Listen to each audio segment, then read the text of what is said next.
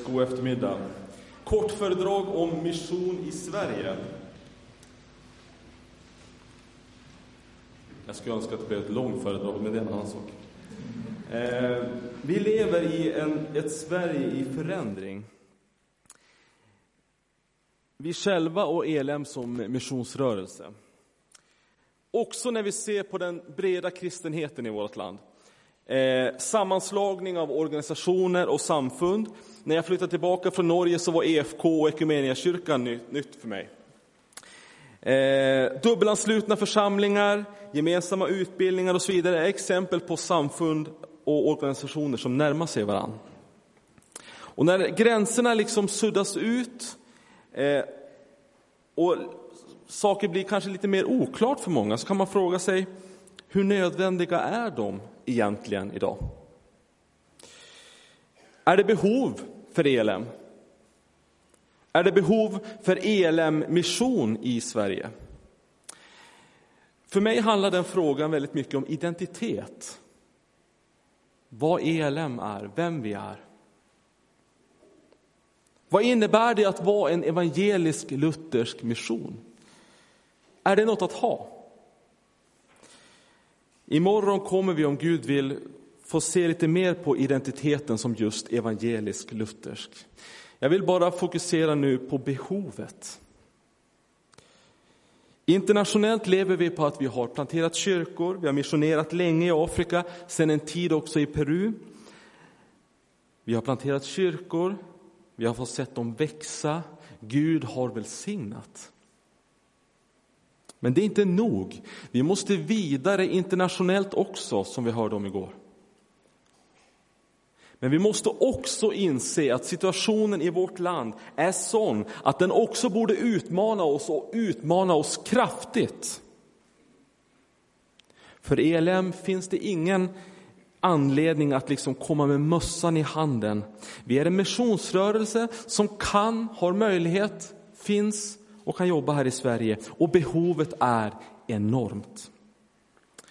Daniel kommer efter mig och då behöver ni vara lite fräscha till att lyssna. Så vi ska göra ett litet experiment. Jag behöver perspektiv ibland som missionssekreterare i Sverige. Och det kanske ni också behöver. Så kan jag få be alla ställa sig upp. Och så kan ni skaka lite på fötterna när ni gör det. Eh, sen har vi två bänkar längst bak som kan sätta sig direkt. Åttio procent, ungefär. Så många kristna ser vi enligt statistiken finns i Kisii, i huvudsak västra Kenya. Där var det inte så många när ELM först gjorde sin första rekognoseringsresa dit. Ser ni? Nu kan den här bänken, bänkraden sätta sig.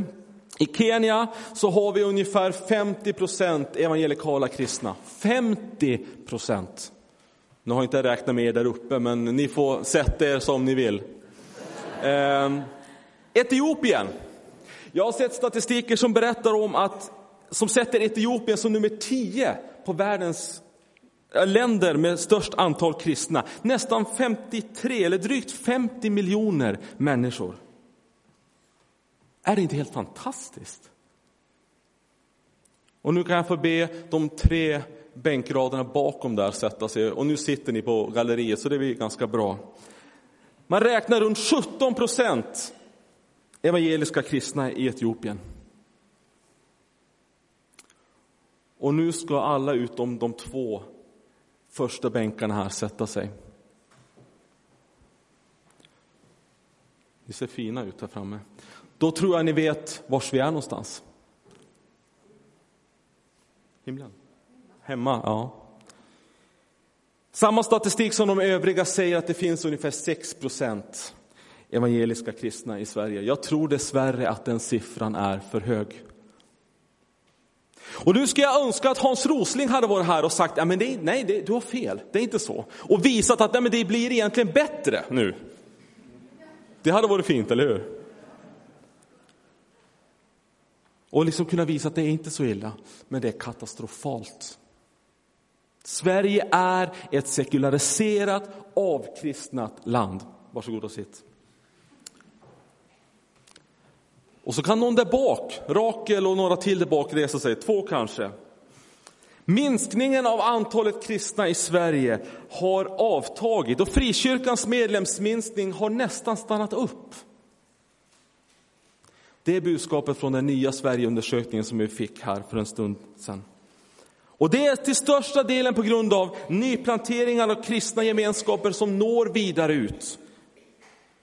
I storstadsregionerna så startas det mer församlingar och frikyrkan flyttar i stor, stor utsträckning till städerna. Invandrarförsamlingar som expanderar och växer och många av dem finns inte ens i statistiken. Det kan hända att bilden ser ännu bättre ut. Ni kan sitta, tack. Statistik är alltid svårt och det är djupast sett bara Gud som känner hjärtan. Men kom nu inte och säg att ni inte visste. Och det här känner vi också på olika sätt på kroppen, att vi lever och bor i ett sekulariserat, avkristnat land. Vill vi ta in den sanningen över oss? Vågar vi ta in den sanningen över oss? Jag menar, det gör ju ont. Och det borde kalla oss in till Herren i bön. Väck upp vårt folk, Herre. Väck missionsivern i mig. För mig närmare dig, Jesus. Visa mig var du vill att jag ska vara och gå. Det är en skrämmande men en välsignad bön som du kan be. Hur når vi, eller hur går vi vidare ELM i Sverige? Jag tänkte ta två saker nu. Vi måste göra det likt Jesus. Ja, jag vet att det är safe att säga så. Men du och jag och vi som rörelse behöver ständigt bli präglade av den mästare som vi säger att vi följer. Och det ena gäller radikalt inkluderande gemenskaper. Jesus han var ju den som var radikal i sin inkludering av människor i Guds rike. Han mötte människor av alla yrken, klasser, kön. Människor som hade sociala tabun. Han mötte människor och tog emot dem precis som de var. Och det är ju bland annat därför jag tror att han, och vågar tro att han också vill ta emot mig. Han mötte människor där de var och som de var. Men sen blev de fullständigt förändrade och upprättade och helade i gemenskapen med Jesus. Inte innan, för att liksom passa in. Jesus var den som var fullkomligt full av nåd och sanning. Och vi är kallade att följa hans exempel. Han vill att hans kropp på jorden ska inkludera människor. Var nådiga i det sätt vi möter människor men samtidigt möta dem med sanningen som förändrar liv. Paulus skriver, nej, vi ska hålla fast vid sanningen i kärlek, sanningen i kärlek och på alla sätt växa upp till honom som är huvudet, Kristus. Och då blir frågan, är våra gemenskaper så inkluderande som vi vill tro? Hur ser vi på den radikale andre? Den som är olik oss själv och som vi kanske inte tycker passar in. Den som vi känner oss obekväm i att möta. Här har vi en jobb, ett jobb att göra. Radikalt inkluderande gemenskaper för det första. Och för det andra, Jesus gick omvägar för att möta människor. Han gick omvägar för att möta den ene. Och det måste vi också göra som missionsrörelse, som enskilda, för att nå människor i missionslandet Sverige. Vi måste tänka om lite, som jag sa igår, och gå mer på sändningen än på kallelsen. Det är inte så att det alltid finns människor som ringer till oss och säger, kan ni komma? Eller att det finns eh, platser där folk tar emot oss. Vi måste gå vidare. Ska vi ta utmaningen som missionslandet Sverige utgör på allvar så måste vi också gå till de platser där ingen ringer. Vi måste våga bryta ny mark i Sverige, också som vi gör internationellt. Nyplantering av kristna gemenskaper handlar om att vara där människor är. Sverige är ett missionsland. Och det fina för dig är ju att du lever bekvämt i ett missionsland. Du behöver inte offra massa för att åka runt halva jorden.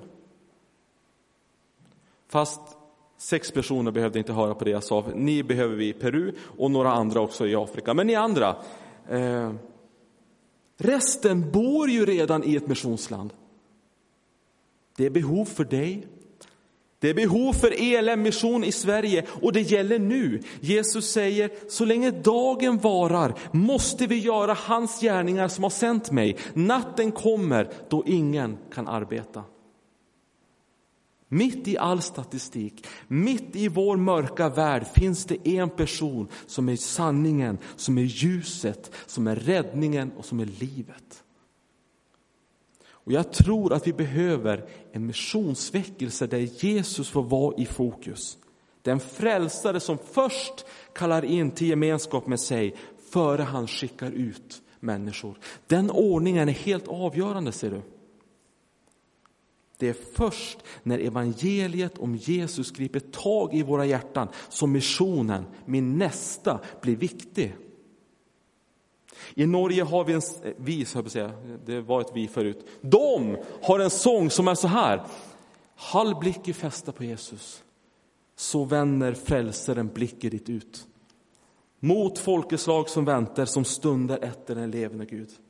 Håll blicken fäst på Jesus, så vänder Jesus din blick ut. Daniel, varsågod.